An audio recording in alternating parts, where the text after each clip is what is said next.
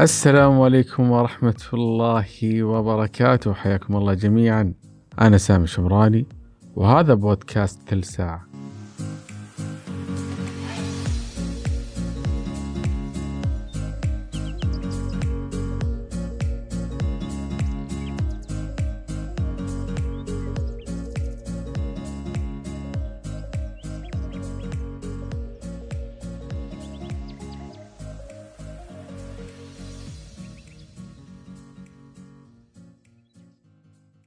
تكلمنا في الأسبوع الماضي عن أهمية القراءة في مسألة التعليم المستمر وكيف تلعب دور كبير كأحد وسائل هذا النوع من التعليم. ولمحنا بشكل عام إلى مفهوم القراءة الجديدة ووعدنا أننا راح نتناول هذا المصطلح وأبعاده في بودكاست اليوم. نظرا لأهميته خصوصا في العالم العربي. الحقيقة أن الحديث عن القراءة في مجتمعنا العربي أصبح حديث روتيني ما يخرج عن فكرة الأحكام المسبقة اللي تكلمنا عليها في السابق. يعني بشكل مختصر الغالبية منا عندهم تصور سوداوي حول القراءة في المجتمع. وتسمع مثلا شعارات سلبية مثل أمة اقرأ لا تقرأ وأن المواطن العربي يقرأ كتاب في السنة والمواطن الغربي يقرأ كتاب في الأسبوع. ومثل هذا النوع من المقارنات أو التصورات العامة. والحقيقة أن هذا الكلام غير صحيح بسياقه العام. لكنه يصح إذا استقطعت منه باقي أجزاء المعلومة. مثل أن نسبة القراء في العالم العربي تعتبر منطقية مقارنة بنسبة الكتب المنشورة في السنة. ونوعيتها وكتابها وأسعارها إلى آخره من المعايير اللي ممكن من خلالها نعيد التفكير في الحكم المسبق أو القناعة حول القراءة. بدايتي بهذه المقدمة من هذا المنظور ترجع في المقام الأول إلى أن إشكالية القراءة عموما في العالم العربي تنطلق من هذه القناعة أننا شعوب لا نقرأ. وهذه قناعة جمعية مع الأسف. بدأت تتسرب بشكل كبير على شكل حقائق ثابتة. نخسر معها في كل يوم الكثير من المواهب والكفاءات اللي ممكن تغير الكثير من حياتنا. لأن القراءة ليست مستقلة في حد ذاتها ضمن النطاق المعرفي. هي باب للمعرفة وبناء الخلفية الشخصية وبالتالي القدرة على تحويلها لأشكال فنية كثيرة مثل الرسم والخطابة أو التحدث أو الكتابة أو التمثيل حتى أو حتى أشكال معرفية أكثر مثل التطوير الفكري والمعرفي في المجالات المتخصصة أو العامة أو الشخصية والذاتية. وهذا اللي يجعل من القراءة نشاط واسع لها أساليب وأدوات تختلف باختلاف المعطيات والعوامل. فعلى سبيل المثال قراءتك لرواية تختلف تماما عن قراءتك لكتاب خاص بدراستك أو بمادة معينة كمرجع. الاختلاف ليس فقط في الموضوع ما بين الكتابين ولغة الكتابة. الاختلاف أيضا يكمن في طريقة القراءة أو اللي أسميها التكنيك ما بين الكتابين. وهذا اللي راح يكون محور حديثنا اليوم في البودكاست. كيف ممكن نتعلم القراءة من جديد؟ هذا السؤال طرحته على نفسي أول ما دخلت الجامعة. كنت إلى ذلك السن غير مهتم بالقراءة وعندي قناعة مسبقة مثل البقية بأن الموضوع غير مهم. والحقيقة أني واجهت في البداية نفس هذه القناعة سواء من زملائي أو حتى من الأساتذة اللي كان معظمهم مقتنع كليا بهذا المبدأ. لكن ما تقبلت الأمر وفكرت في أني أتعلم القراءة من جديد. أقصد الكتب تحديدا وبدأت في قراءة الكتب في تخصصي الهندسي. وكتب معرفية وفكرية وأدب وروايات. واكتشفت بعد فترة أنه عندي اهتمامات متعددة ومختلفة وأن قراءاتي أو حماسي للقراءة يختلف باختلاف الموضوع والكاتب واللغة. وأصبح اقتناء الكتب بالنسبة لي هوايتي المفضلة. حتى لو قرأت الكتاب في الجامعة أو استعرته من أحد الأصدقاء كان الكتاب اللي يعجبني أقتني منه نسخة. ويمكن هذا اللي ساعدني في تطوير بعض المهارات والقناعات حول القراءة واللي انعكس على شخصيتي بشكل كبير وطريقة تفكيري ومستوى مهاراتي في الحياة العملية أو الشخصية. مع أني أعتبر من القراء متوسطي الشغف مثل ما يقولون وتتراوح الكتب اللي أقراها في السنة من 20 إلى 30 كتاب بحد أقصى يعني بمعدل كتابين ونصف في الشهر. وهذا رقم يعتبر متدني جدا مقارنة بكثير من القراء المجتهدين. ولو جيت تحسبها بالورقة والقلم راح تكتشف إني أقرأ ما بين سبعة إلى عشر صفحات يوميا من أي كتاب يعني ما يزيد عن نصف ساعة بالكثير إذا حسبنا وقت التركيز. وهذا عدد قليل جدا من الصفحات اليومية وممكن أنت تقرأ أكثر مني وبالتالي حصيلتك تزيد أضعاف أضعاف. لكن الإشكالية مثل ما قلنا سابقا هي أن القناعة أو الحكم المسبق حول القراءة في مجتمعنا هو الحاجز الأكبر اللي يواجهنا ويحرمنا من متعة القراءة أو الزيادة في العلم والمعرفة. لهذا السبب راح نتناول اليوم بعض التكنيك والأفكار اللي ممكن إنها تساعد في تحجيم هذه القناعة وتقضي عليها تدريجيا أو على الأقل تخفف من وطأتها.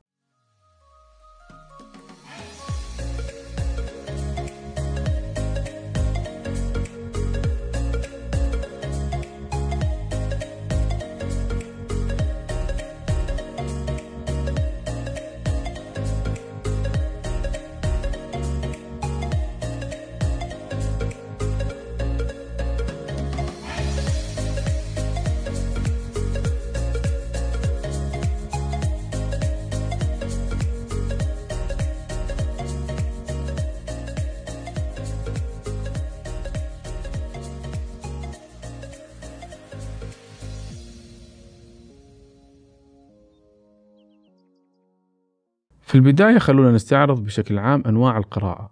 في أربع أنواع للقراءة. النوع الأول القراءة التخصصية أو المتخصصة والنوع الثاني القراءة الفلسفية أو المعرفية. وفي نوع ثالث هو القراءة الأدبية والنوع الأخير هي القراءة العامة. ويختلف تكنيك القراءة بحسب كل نوع من هذه الأنواع. وراح نتكلم على كل نوع بشوية من التفصيل. النوع الأول هو القراءة التخصصية أو المتخصصة. وهي القراءة العلمية في مجال التخصص وعادة ما يطلق عليها القراءة الأكاديمية سواء كانت في سياق أبحاث منشورة أو على شكل كتب ومراجع علمية. وهذا النوع من القراءة يكون مجهد بشكل كبير. خصوصا إن حجم الكتب وعدد الصفحات يكون كبير جدا مقارنة بكتب الأنواع الثانية، بالإضافة إلى أن اللغة العلمية تفرض نوع من الملل في القراءة، وهذا اللي يجعل من القارئ يفقد التركيز بمجرد مرور صفحة أو صفحتين من القراءة، وينشغل بأمور ثانية أو حتى يتحجج بحجج واهية للهروب من القراءة. التعامل مع هذا النوع من القراءة يتطلب ذكاء وأهداف مسبقة وعادة ما تكون القراءة وفق من نظام روتيني صارم وهذا راح يساعدك في التعامل مع هذا النوع من الكتب كما أن هذا النوع من الكتب لا يعتبر معيار على أساس أنك شخص قارئ أو لا لكنه يعتبر نوع مهم من القراءة خصوصا لمجالك التخصصي. من الحيل اللي ممكن تساعدك في هذا النوع من القراءة هي أنك تقسم القراءة إلى أجزاء صغيرة. على سبيل المثال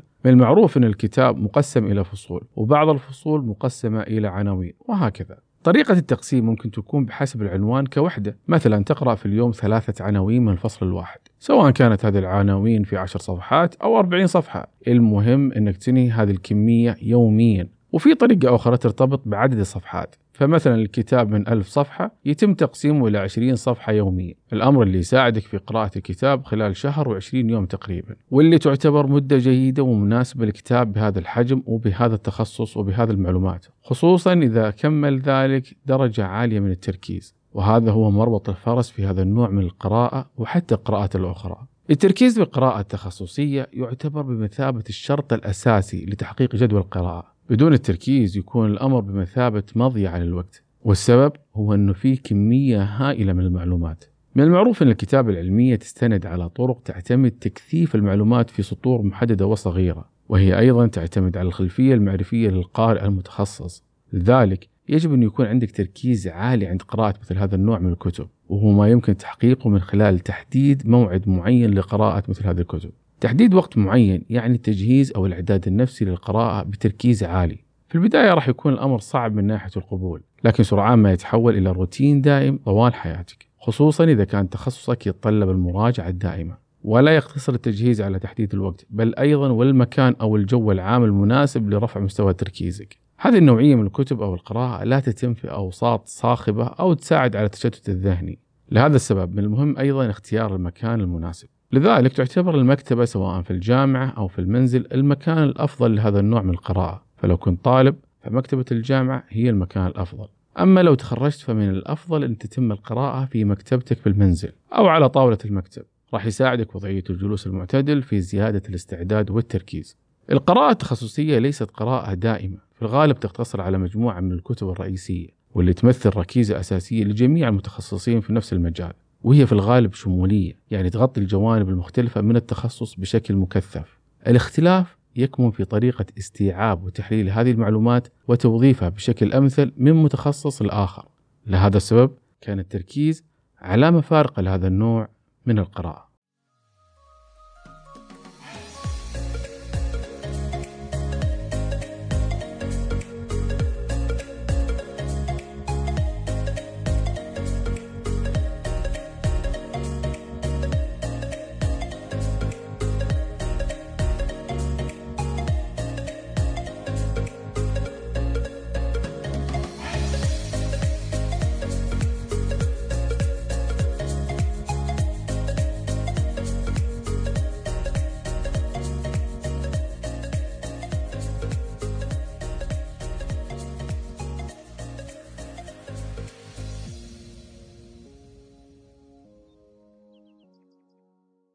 النوع الثاني من القراءة هي القراءة المعرفية أو الفلسفية وهذا النوع من القراءة يتقاسم مع النوع الثالث القراءة الأدبية القاعدة الكبرى للكتب اللي يقرأها الناس بمختلف اللغات.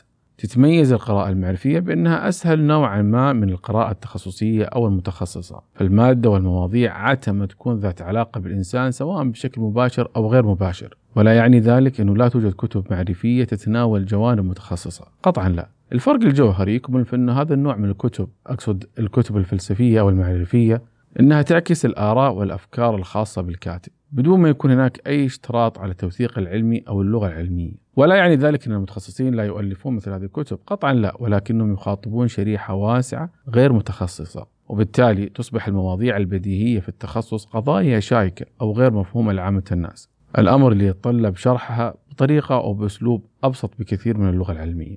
وفي مواضيع أخرى لا تنتمي لجذور معينة بل تجمع من كل مجال ما يتناسب معه وعادة ما تطرح هذه الكتب نوع من الأفكار والقناعات الجديدة اللي ربما تؤدي إلى تبني نوع من الأيديولوجيات الجديدة سواء على المستوى الفردي أو الاجتماعي. هذه النوعية من الكتب تتطلب مجموعة من العوامل لتجعل قراءتها أمر محبب للناس. الأول هو مناسبة الموضوع لميولك إذا كنت محب للتاريخ فمن الأفضل أنك تقرأ كتب التاريخ في هذا المستوى أو هذه الفئة في مقابل قراءة الكتب التاريخية المتخصصة أو الأكاديمية. وإذا كنت مهتم بالاجتماع فالأمر يبدأ من هذه الفئة أيضا. وهذا ما يجعل هذا النوع من القراءة أكثر شيوعا وحيوية مقارنة بالنوع الأول المتخصص. لكن الأمر لا يقف فقط عند الموضوع وتفضيلات القراءة. أيضا تلعب لغة الكتابة دور كبير في جذب أو تنفير القارئ. فاللغة الركيكة أو الأسلوب الممل قد يساهم في عدم التحفيز للقراءة. وهذا أمر يكثر حدوثه في مجال القراءة عموما. أحيانا تشتري كتاب بسبب عنوان ومادة الكتاب وبعدين لا يمكنك مواصلة قراءة بسبب أسلوب الكتابة. ولا يعني ذلك أن القارئ سيء أو غير مهتم بالقراءة ولكنه يعني أن الكاتب أخفق في موضوع الأسلوب. وهذا اللي يقودنا إلى النقطة الثالثة ألا وهي اختيار الكاتب المفضل.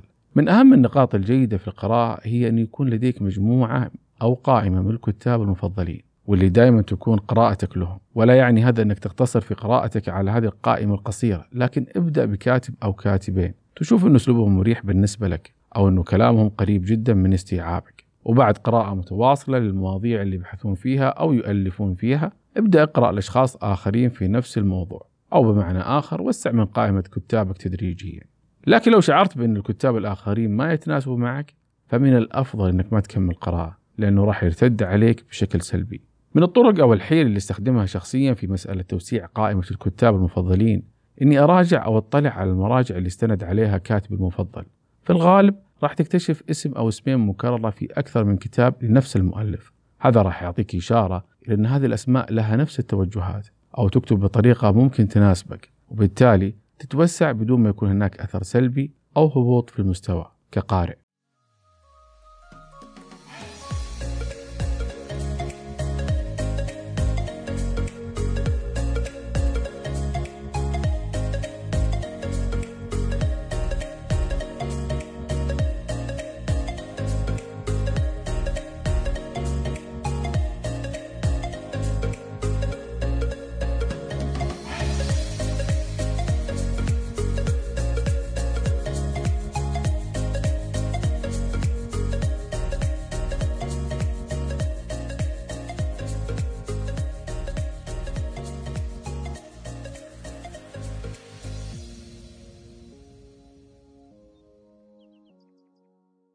النوع الثالث هو القراءة الأدبية وأقصد بالقراءة الأدبية الروايات والقصص وكتب الشعر والنثر واللي يمكن اعتبارها نتاج بشري خالص. لاحظ أن الكتب اللي تتناول هذه المواضيع مثل كتاب يؤرخ لفترة معينة من الآداب أو يحكي قصة شاعر وسيرته هذه النوع من الكتب تنتمي للنوع الثاني وليس لهذا النوع. هذا النوع يقتصر فقط على الإنتاج الأدبي في قوالب اللي أشرنا إليها.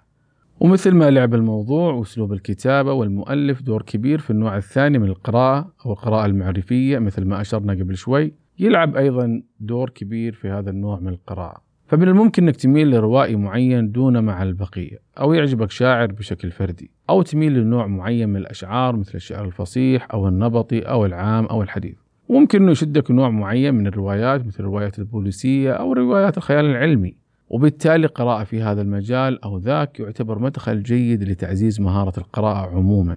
بشكل عام ما تتطلب هذه النوعية من القراءة جهد كبير ولا استعداد ولا تحضير وعادة ما تكون قراءة متقطعة وفي أوقات مختلفة. لذلك يمكن استخدامها كنوع من الترفيه أو التسلية ويمكن أيضا أنها تكون مادة معرفية لإثراء ذائقتك الأدبية. شخصيا أنا أستخدمها كوسيلة للتسلية ما بين القراءة المتخصصة أو المعرفية. يعني إذا شعرت بنوع من الفتور من القراءة ذات التركيز العالي في الغالب أقرأ رواية أو أقل في كتاب يضم مجموعة من القصائد. وأحيانا يكون هذا النوع من القراءة كنوع من الاكتشاف. أذكر مثلا أني سمعت بيت شعر عامي باللهجة المصرية في مسلسل الليل وآخره لحي الفخراني. وهو مسلسل قديم شوي يمكن له 20 سنة تقريبا. يقول البيت كيد النساء يشبه الكي من مكرهم عدت هارب يتحزموا بالحنش حي ويتعصبوا بالعقارب. عجبني البيت.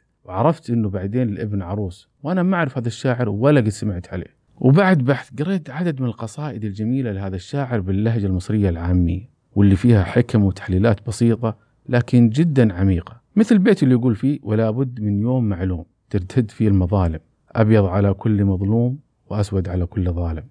المهم يعتبر هذا اكتشاف أضاف لي شيء جديد في حياتي رغم أني غير متخصص بالشعر ولست من عشاقه بشكل كبير يعني. لكني مهتم أكثر ببساطة اللغة وجمالها خصوصا إذا تكاملت مع المبنى. ويمكن هذا اللي دفعني أبحث أكثر عن الشاعر لأكتشف آراء مختلفة. بعضها يشير إلى أن ابن عروس ما هو إلا صوت العامي البسيط اللي عبر عن رؤيته للدنيا بأبيات بسيطة وأن ابن عروس مجرد نسيج خيال يضم هذه التعبيرات تحت مظلته. وأيا كانت الحقيقة تظل الفكرة في أن قراءتي لهذا الشاعر أضافت بعد لغوي بسيط يشعرني بنوع من السعادة كلما تذكرت الأبيات ووصفها وهذا هو المعنى الحقيقي وراء القراءة الأدبية تحديدا وزيادة وإثراء الفكر واللغة والمفردات. لنتمكن من التعبير عن ذواتنا قولا وفعلا.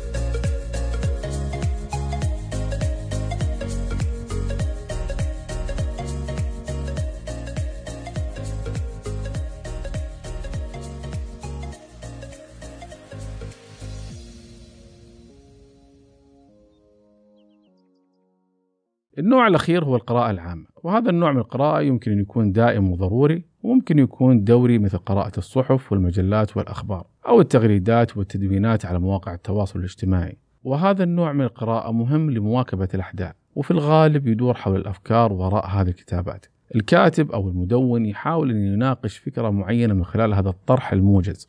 لهذا السبب ترتبط القراءة العامة بالأفكار عموما وهذا اللي يجعلها مهمة جدا في توجيه قناعاتك أو أفكارك تجاه جهة دون أخرى. أذكر صديق لي كان يقرأ المقالات ويدون أفكارها في سطر أو سطرين. بعد فترة من هذا العمل كانت تتوفر لديه الكثير من الأفكار اللي كان يعود لها ويعمل على تطويرها في قوالب مختلفة. لذلك تعتبر القراءة العامة تغذية مرجعية مهمة في توليد الأفكار وتمثل نوع من الملاحظة حول ما يدور حولك. لكن تبقى إشكاليتها في اختيار الكتاب ففي الغالب لا تعتبر المواضيع مهمة بشكل كلي في هذا النوع ولا أسلوب الكتابة له تأثير كبير لكن قناعات وآراء الكاتب وقوة ملاحظته تعد السمة الأساسية لهذا النوع من القراءة. لهذا السبب يعتبر اختيار الكاتب أمر أساسي وجوهري في هذا الجانب. ويعتبر تدوين الأفكار والملاحظات والأفكار حول القراءة من أهم الأساليب اللي يجب تطبيقها في هذا النوع وفي الأنواع الأخرى بلا استثناء. ومع ذلك تبقى مسألة القراءة بأنواعها المختلفة أمر شديد الخصوصية ويختلف من شخص لآخر. البعض يستطيع أن يتحرر من القناعة المسبقة تجاه القراءة في عالمنا العربي وينطلق لآفاق أكبر والبعض يبقى حبيس هذه القناعة لسنوات طويلة وربما إلى الأبد. تعلم القراءة من جديد أصبح أمر ضروري في حياتنا ومهم إلا أن هذه الضرورة تعتمد بشكل كبير على مدى قدرتنا لأخذ خطوة تجاه ذلك أو بمعنى آخر اتخاذ قرار للخروج من القناعة السلبية نحو الأمل.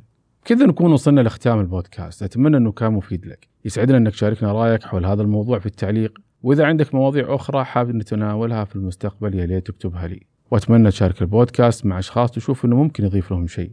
تقدر أيضا تتواصل معي عبر البريد الإلكتروني من خلال صفحة التواصل على موقعي. راح تلقى رابط الموقع في البايو. كنت معكم أنا سامي الشمراني. هذه ثلث ساعتنا لليوم. ونشوفكم على خير. في أمان الله.